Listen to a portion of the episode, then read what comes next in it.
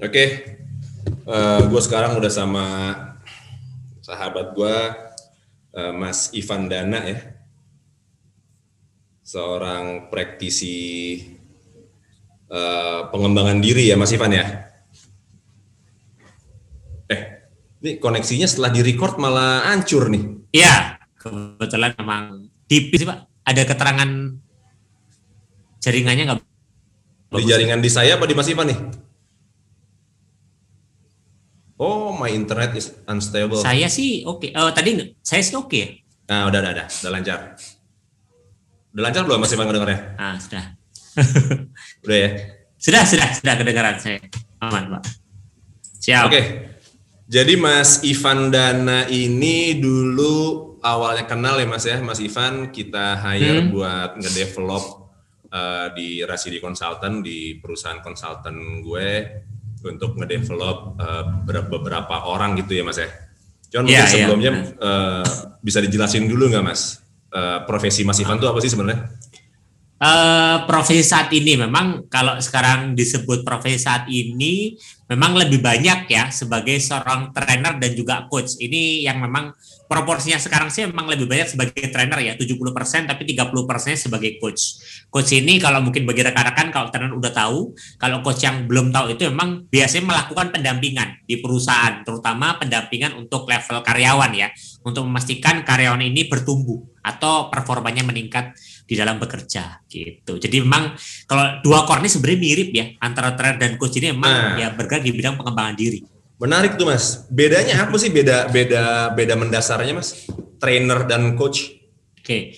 Kalau trainer itu memang identiknya namanya aja memang uh, dia biasanya adalah orang yang memfasilitasi pelatihan ya. Dia orang memberikan pelatihan atau training.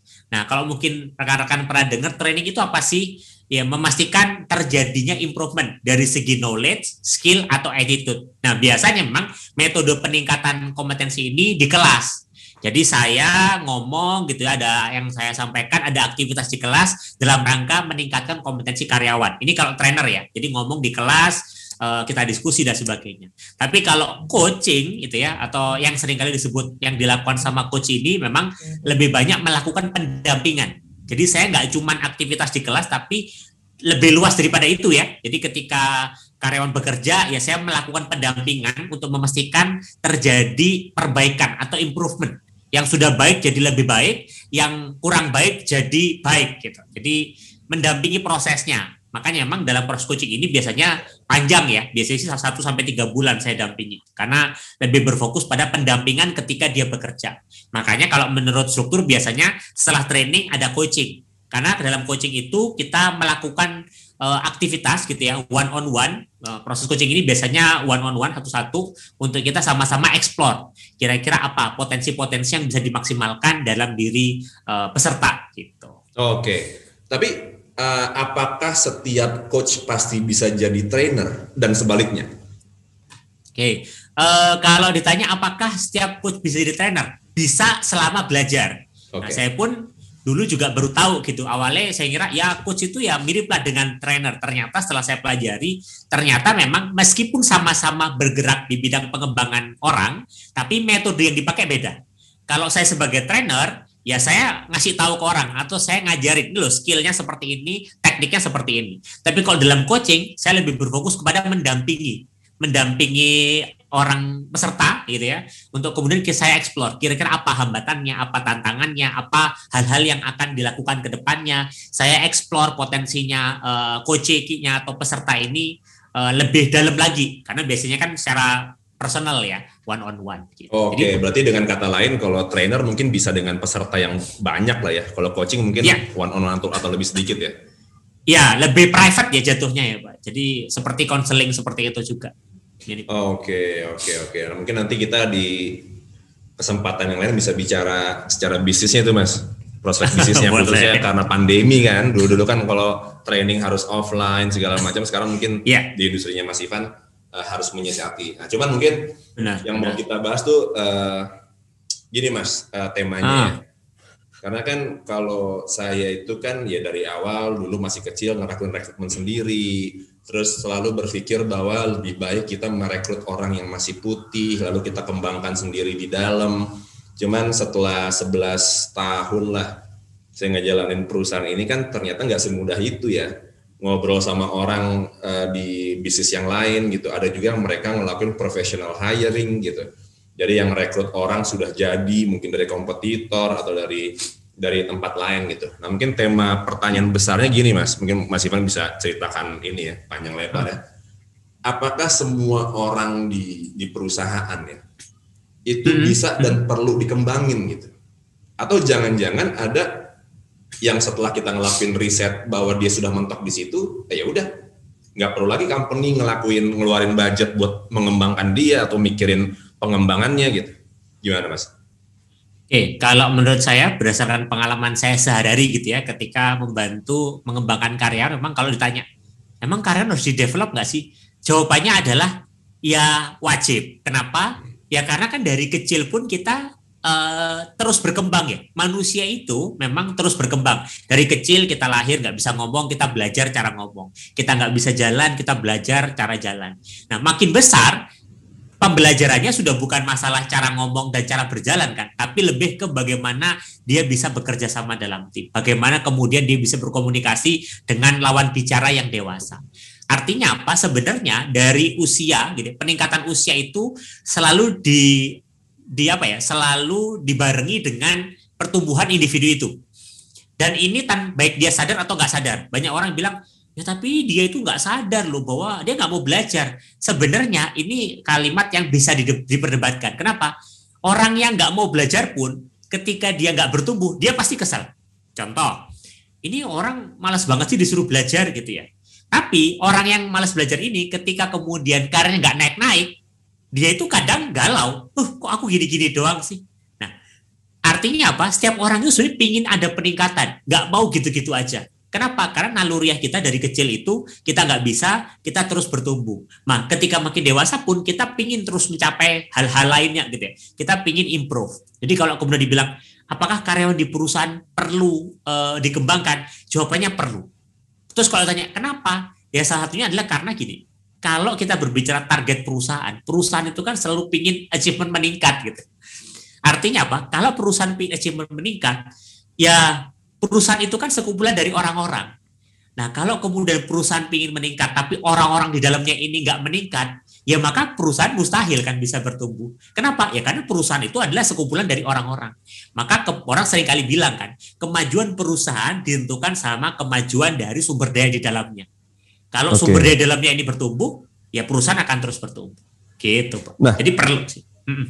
Jadi masih masih Ivan bilang sebenarnya pada dasarnya semua orang pasti pasti perlu untuk untuk bertumbuh ya.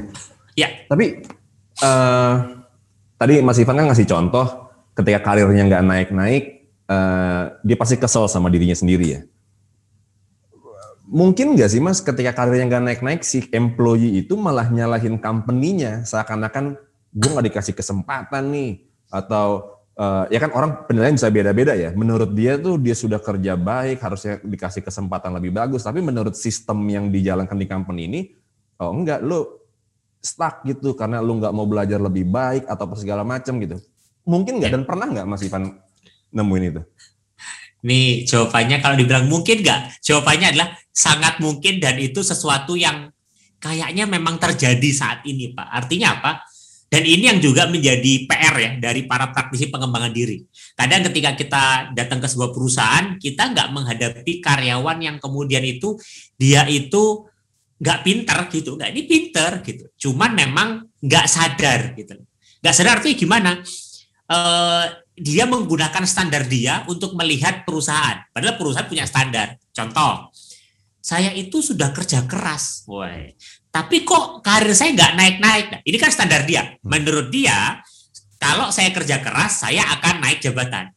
Menurut perusahaan, belum tentu. Perusahaan hmm. punya indikator KPI, punya indikator kompetensi yang itu harus dipenuhi dulu sehingga dia bisa naik level. Nah ini ada perbedaan cara pandang kan. Nah ini yang kemudian teman-teman dari praktisi pengembangan diri, trainer, coach itu selalu kita coba untuk menyadarkan. Kita coba benturkan artinya apa? Untuk memastikan karyawan itu nggak hanya berfokus pada standar dia, tapi bagaimana dia melihat standar perusahaan.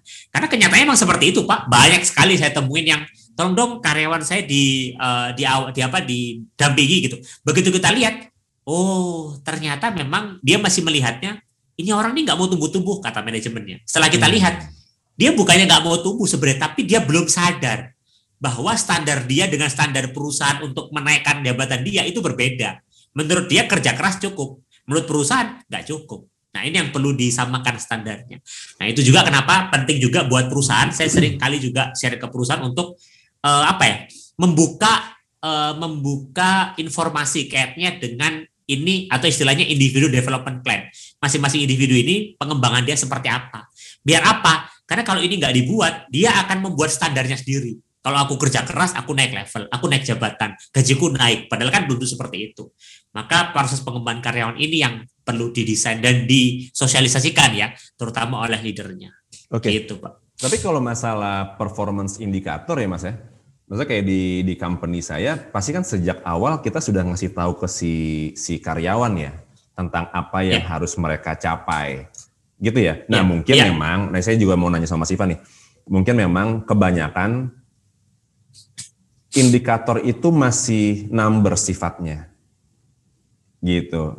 Saya ya karena saya sejak ketemu Mas Ivan aja jadi mempelajari banyak hal lah. Uh, bahwa uh, things behind the numbers itu kadang juga perlu diperhatikan oleh oleh oleh top level manajemen gitu. Iya. Yeah. Karena dulu saya mikirnya, oh kalau nggak nyampe ya nggak nyampe. Seberapa keras lu kerja, seberapa ya kalau nggak nyampe ya nggak perform gitu. Gitu ya Mas. Maksudnya gimana gimana menilai si si company ya? Kan tadi Mas Mas Ivan bilang kan bisa jadi uh, si employee-nya punya standar sendiri dalam menilai si perusahaan.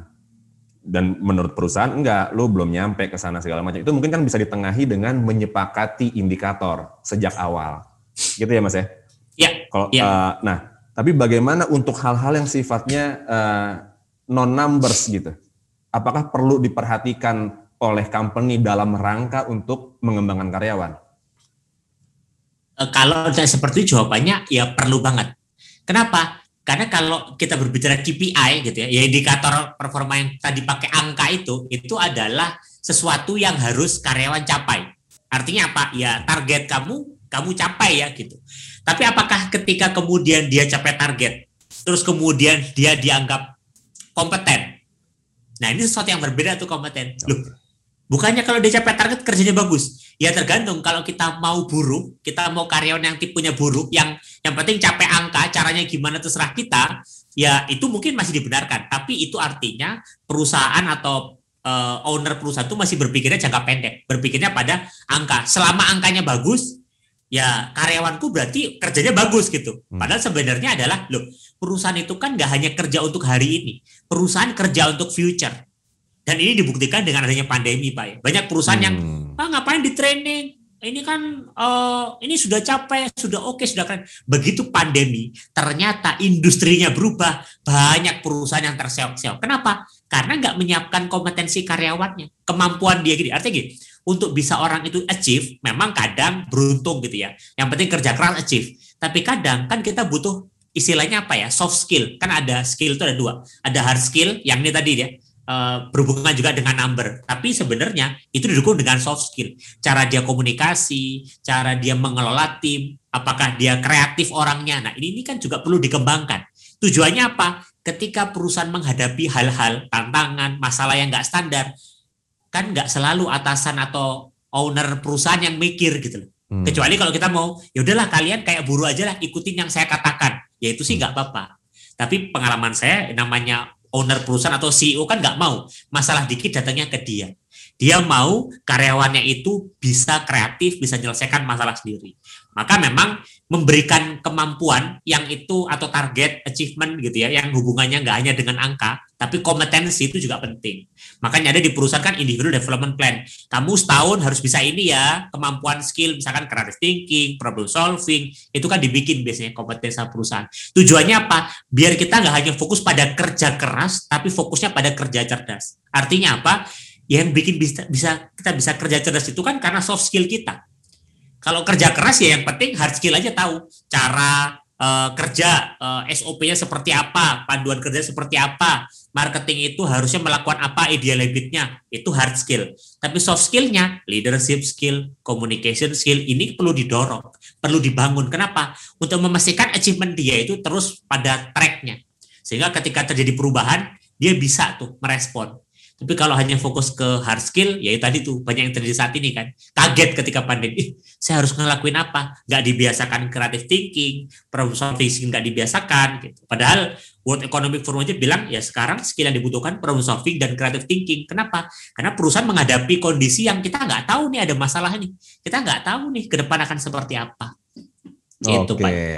Nah, Mas, saya mau tahu langkah-langkahnya nih, Mas. Kalau tadi Mas bilang hmm uh, bahwa semua employee di semua level di semua level itu perlu dikembangkan. Nah, dari sisi company-nya nih ya, uh, apa first step-nya? Maksudnya apakah mereka perlu, maksudnya gini, apakah planning itu bisa di dikonsepin uh, satu konsep untuk semua employee atau dia harus nge-observe dulu masing-masing employee ini karakteristiknya seperti apa? Dan kalau memang seperti yang kedua, betapa repotnya gitu company kalau punya 50, 100, 1000 karyawan misalnya contoh ya. Uh, jadi first step-nya apa gitu untuk memulai uh, program pengembangan karyawan ini? Oke, okay. uh, eh, kalau ketika berbicara program pengembangan yang baik itu mulai didesainnya seperti apa sih gitu ya? Itu pertanyaan yang sering kali disampaikan uh, dan memang itu harus terjawab sebenarnya gitu gimana. Kalau saya selalu bilang bahwa mulai dulu dengan tujuan ini perusahaan ini tuh mau dibawa ke mana.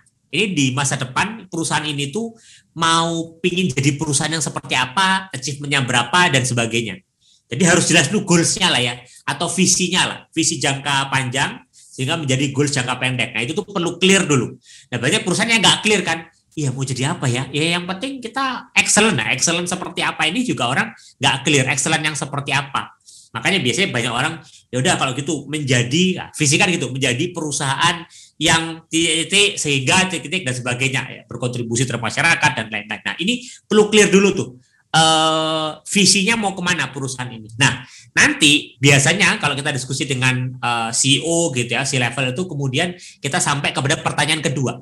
Setelah kita sudah tahu nih perusahaan mau dibawa ke mana, biasanya si level itu harus berpikir atau owner atau ya leader lah ya perlu berpikir kira-kira orang seperti apa yang dibutuhkan untuk memastikan perusahaan bisa sampai ke sana. Oke. Okay.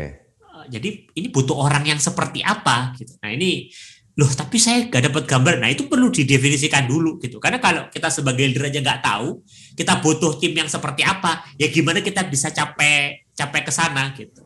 Nah berarti harusnya pemikiran itu dilakukan sebelum melakukan rekrutmen dong ya? Iya, iya dong. Iya yeah. dong. Oke. Okay. Kita kita kita itu maksudnya itu idealnya lah seperti itulah. Cuman gimana misalnya kayak kayak perusahaan saya gitu atau mungkin banyak banyak perusahaan yang lain juga atau mungkin UMKM ya. Hmm. Karena kita di Residi Consultant juga fokusnya nanganin bisnis-bisnis UMKM gitu. Ini orang ini sudah terlanjur direkrut gitu. Dengan ketidaktahuan uh, kita di awalnya bahwa harus mempersiapkan itu dulu segala macam gitu. Nah, apa yang harus dilakuin gitu ketika uh, kita sudah terlanjur merekrut orang-orang itu sudah terlalu sudah terlanjur ada di kursi-kursi kita gitu. Nah, kalau kalau belum direkrut kita bisa cari tuh profilnya yang cocok gitu kan ya. Tapi kalau sudah terlanjur ya memang nggak ada nggak ada apa ya tidak ada tidak ada jalan lain selain apa selain kita kembangkan sesuai dengan mau kita karena ya namanya dia kerja di perusahaan ya perusahaan harus mendesain sesuai dengan yang diharapkan sama perusahaan.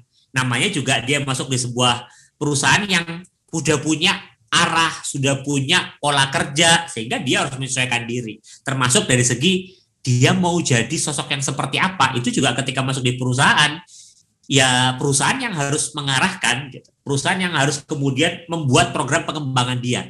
Kenapa sih? Ya kan kita nggak mau ya, kita punya akaran di perusahaan yang itu berbeda ya atau hmm. tidak tidak punya kesamaan value, tidak punya kesamaan visi, skillnya beda dengan yang diharapkan sama perusahaan. Karena namanya perusahaan kan bisa kayak satu kapal ya, satu kapal besar untuk menuju ke satu tujuan tertentu. Kalau ternyata satu kapal besar, e, contoh misalkan part ada yang bagian Nurni Jangkar, dia nggak sesuai nih dengan goalsnya mau ke mana, dia punya punya cara kerja sendiri. Akhirnya tiba-tiba di tengah jalan dia nurunin jangkar. Hmm. Akhirnya kapalnya kesandet nggak bisa maju hmm. gitu. Kenapa? Hmm. Karena dia nggak tahu ini perusahaan mau dibawa ke mana. Maka ya memang ketika karya masuk ke perusahaan dia perlu tahu visi perusahaan mau ke mana terus dia harus jadi pribadi yang seperti apa peran dia apa dia perlu tahu skill atau kemampuan apa dan sebagainya gitu pak oke okay. uh, berarti kalau tadi yang saya tanya ini company sudah terlanjur ngerekrut orang gitu ya ya company berarti harus uh, menyusun kemudian rencana pengembangan diri hmm. kalau dari cerita Mas Ivan mungkin berarti lebih kepada uh, spesifik si orang ini rencana pengembangannya seperti apa sesuai dengan visi perusahaan gitu ya. Berarti Benar. mungkin mungkin aja dong Mas ketika akhirnya dilakukan program itu tapi si orang itu tidak berhasil, maka seburuk-buruknya konklusi itu akhirnya kita berhentikan orang itu gitu. Yang mungkin sebelum kita ngedevelop uh, apa uh, plan pengembangan itu orang itu hmm. kita rasa baik-baik aja gitu di company kita gitu. Mungkin aja dong.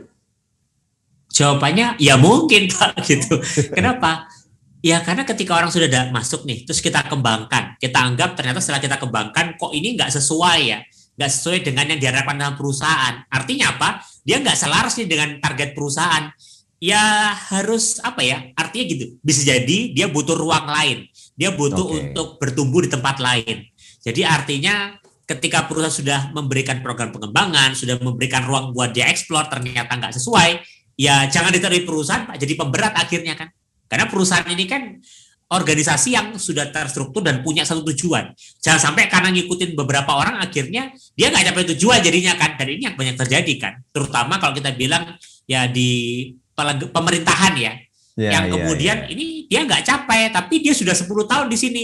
Ya akhirnya mau maju tapi ada orang-orang lama yang menghambat. Jadi seperti itu Pak akhirnya. Kasihan akhirnya kan. Iya iya iya iya. Iya. Ya, ya belum saya juga pernah dengar dari mungkin rekan uh, pebisnis juga atau HRD ada masalah cost tentang pesangon mungkin kalau harus ngeberhentiin saat ini atau segala yeah. macam gitulah ya. Cuman kita sekarang yeah. lagi lagi bicara tentang si pengembangan karyawan uh, dari sisi si company-nya nih ya. Kalau tadi Mas yeah. Iman bilang ya kalau emang nggak cocok ya mungkin emang harus harus uh, cari kerjaan yang cocok yang lain gitu. Nah,